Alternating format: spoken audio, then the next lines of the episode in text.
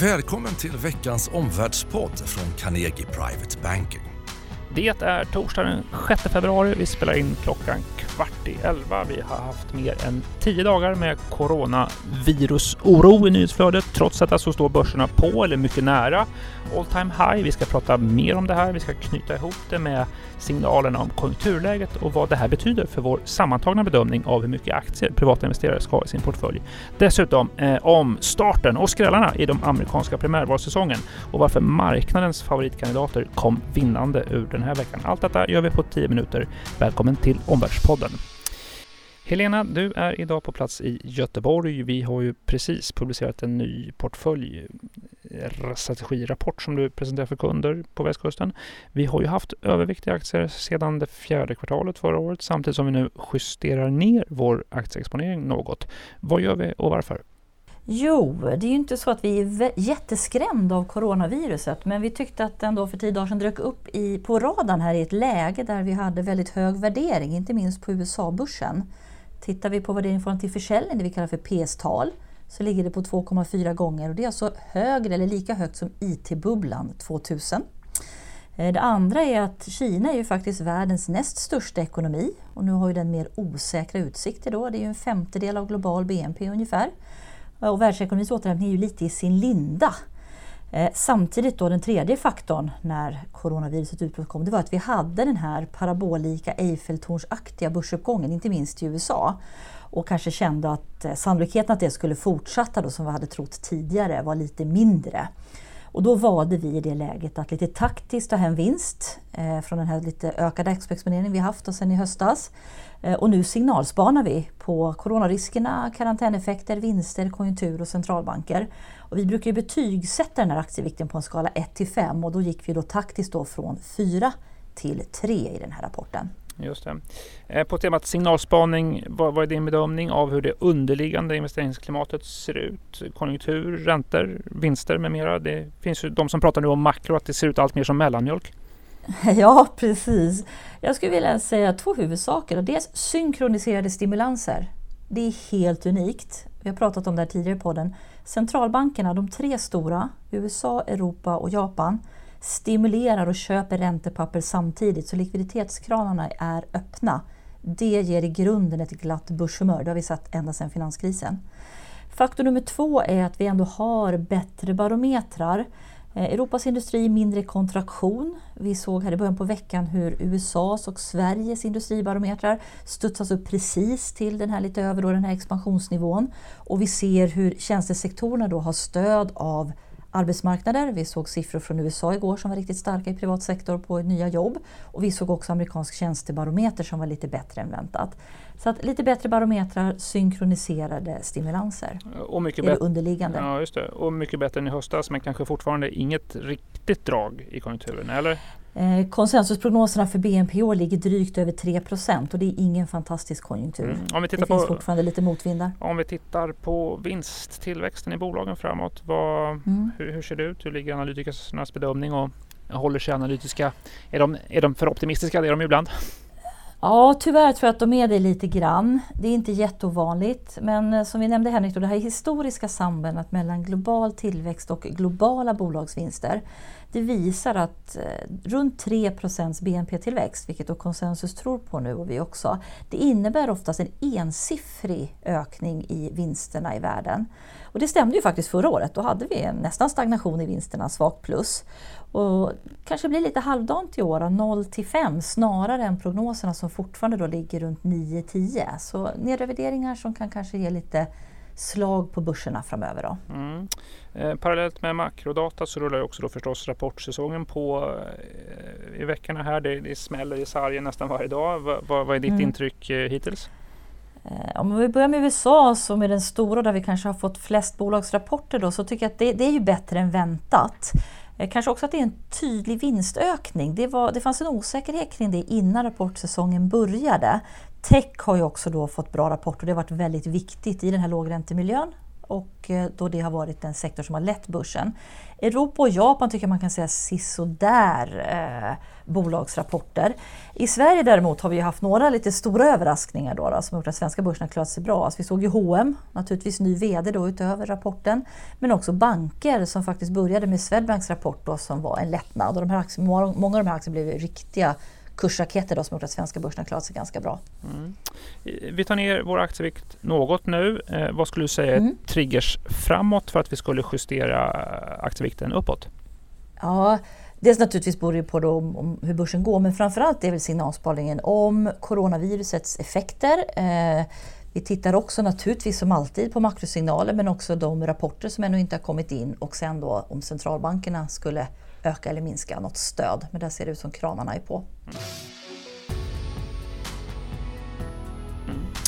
Om vi går vidare då eh, Helena och tittar just på det som du berörde här nu med coronaviruset som ju inte direkt eh, i de här dagarna, den här veckan verkar ha smittat riskaptiten hos, hos investerare. Hur, ja, vad, tycker du, vad tycker du är den viktigaste så att säga, historiska lärdomen för, för investerare om den här sortens händelser och utbrott? Ja, det är alltid svårt att dra historiska paralleller till just virusutbrott men många gör en jämförelse med SARS så då har jag väl några synpunkter jag tycker man ska tänka på vid den jämförelsen. Och det första är att ur börsperspektiv så kom ju SARS då 0203. Då hade vi faktiskt haft en, ett börsras mm. efter IT-bubblan och vi hade haft en recession. Så då tror jag att det fanns andra skäl som gjorde att börsen gått upp. Alltså pessimismen var väldigt utbredd till skillnad från idag. Ur ekonomiskt perspektiv så finns det studier och akademiska studier som visar att SARS-utbrottet minskade Kinas BNP med 1% Men då var Kina bara 5% av världsekonomin. Idag 20 så översätter man de här då 1% eller mer till världsekonomin då pratar vi ändå några tiondelar, 2-3. Eh, och det är en del ändå på försäljning om det blir en så stor effekt nu till följd av karantänen. Man brukar prata om 13 virusutbrott sedan 1980 då vi började med aids och hiv. Sen har vi haft ebola, zika och sådär. Men tar man bort de här som skedde efter börsras, det vill säga sars och svininfluensan, då har börsutvecklingen varit lite sidledes på en till tre månader men svagt upp på 6 då en 4-5 procent. Mm. Jag tror varje situation är unik. Just det. Och man kan väl säga så om, du börjar jämföra med sars. Det här var 2002. Det var precis när Kina då blev medlem i WTO. Eh, jag tycker mm. virusutbrottet visar väl både hur världen verkligen är sammanlänkad med resor och liknande. Men också hur Kina-ekonomin nu är betydligt mer sammanlänkad med, med den globala ekonomin. Om vi blickar framåt. Eh, vad, vad, tycker du är viktigt att spana för besked efter nu för investerare? Eh, många skulle ju svara takten i spridningen då, kanske snarare än antal dödsfall. Och när toppen nås så kan börsen bli lättad. Men vi skulle nog snarare vilja lyfta fram alltså, när Kina lyfter karantänbesluten. De mm. säger att det ska göras på måndag, det blir viktigt att följa för det här är ju det som hämmar ekonomin. Vi kommer också följa bolagskommentarer, alltså stör det här leveranskedjor och så vidare. För det är ganska stora delar av kinesisk ekonomi som är påverkade. Vad gäller viruset, världsekonomin och marknaden just nu, vad tycker du är den korta slutsatsen för investerare? Eh, jättesvårt att förutspå ekonomiska risker från ett virusutbrott men Kina är idag ungefär 20 procent av världsekonomin så fokus på karantänbeslut men underliggande finns det synkroniserade stimulanser och bättre barometrar. Ja Henrik, annat spännande då. Startspottet har gått för den amerikanska primärvalssäsongen. Eh, röstkaos präglade ju nyhetsläget eh, men vi vet att eh, Pete Buttigieg och Bernie Sanders hamnade i topp. Och jag vet att du också såg andra vinnare och förlorare. Berätta! Ja, tydlig förlorare var ju Joe Biden eh, som kom eh, bara på fyra, först på fjärde plats där. Han sätts nu under ett ordentlig press inför New Hampshire som är nästa primärval då den 11 februari nästa vecka. Man ska komma ihåg att Iowa är ju så väldigt litet i sammanhanget. Vi är bara i starten på en lång process. Eh, Biden kan ju säga att en gång är ingen gång. Eh, samtidigt två misslyckanden för Biden inom en vecka. Det är faktiskt en katastrof för han som var frontrunner för Demokraterna här. Vinnare eh, som inte ens var på plats, det är ju faktiskt då den kandidat som många investerare gillar, inte minst i USA. Eh, Mike Bloomberg som Eh, eh, som, eh, han ska inte ge sig in i presidentvalet, för, eller primärvalet förrän den 3 mars på Super Tuesday och då med massiva annonsinsatser. Det han behöver för att ha en chans, det är ju att det är ett splittrat startfält bland Demokraterna och det fick han faktiskt med det här resultatet i, i veckan från Iowa. Den andra vinnaren, förstås Trump i USA. Eh, Demokraterna ser ju splittrade ut, de ser svaga organisatoriskt ut. Ehm, eh, Trump kan stå och hålla State of the Union-tal och prata om att den amerikanska ekonomin aldrig har varit starkare än just nu. Eh, när det gäller Pete Buttigieg då, vad ska investerare veta om honom Henrik? Han lär inte skrämma finansmarknaderna. Han är närmare mitten än till exempel eh, Saunders och Elizabeth Warren. Eh, han är en centrist, en förnyare, kallas ibland för Obama 2.0. Han är uppenbart också en väldig kontrast till Trump. Han är mycket yngre, han är bara 38 år, han är öppet homosexuell. Jag tycker inte vi ska dra allt för långta slutsatser när bara ett så att säga, delstats primärval har avklarats. Eh, det är en väldigt lång väg kvar. Eh, samtidigt naturligtvis en liten skjuts. Han vinner momentum, han får synlighet, han får eh, finansiering också av detta som är viktigt för just en lång, en lång valkampanj. Men skulle denna Pete Buttigieg bli Demokraternas presidentkandidat så är det positivt för finansmarknaden. Det tar nämligen bort risken som mer progressiva kandidater som Sanders och Warren utgör. Mm.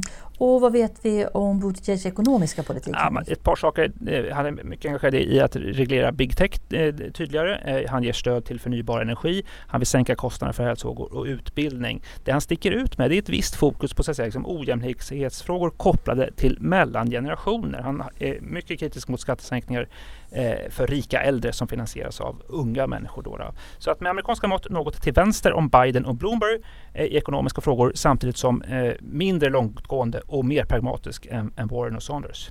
Och Henrik, vad är den korta slutsatsen kring amerikansk politik? Ja, Pete Buttigieg som vann nu, eh, han lär inte skrämma eh, finansmarknaderna. Det vi tittar på det är förstås Super Tuesday den 3 mars. Då får vi klarhet om vem som kan vara Demokraternas mm, nästa presidentkandidat. Ja, och de tre slutsatserna från dagens podd det är att eh, vi taktiskt gör en vinsthemtagning i aktier men vi ser fortsatt stöd från centralbanker och konjunktur om coronaeffekterna skulle lugnas och minskas. Nummer två, det är svårt med en slutsats om virusets ekonomiska effekter. Vi fokuserar på karantän när de lyfts och eventuella bolagskommentarer. Och den tredje slutsatsen då, politiskt. Demokraterna i USA är splittrade. Det är positivt för Trump tillsammans med stark ekonomi och börs. Klarhet kan vi få på Super Tuesday den 3 mars. Om du gillar Omvärldspodden, hjälp oss gärna då genom att rejta oss på iTunes eller där du hittar poddar just. Nästa Omvärldspodden spelar vi in och släpper torsdagen den 13 februari. Tack för att du har lyssnat idag. Tack för att du har lyssnat på Omvärldspodden från Carnegie Private Banking. Vill du veta mer om vad som händer i vår omvärld och få aktuella idéer till affärer? Gå då in på www.carnegie.se veckans viktigaste och prenumerera på vårt nyhetsbrev.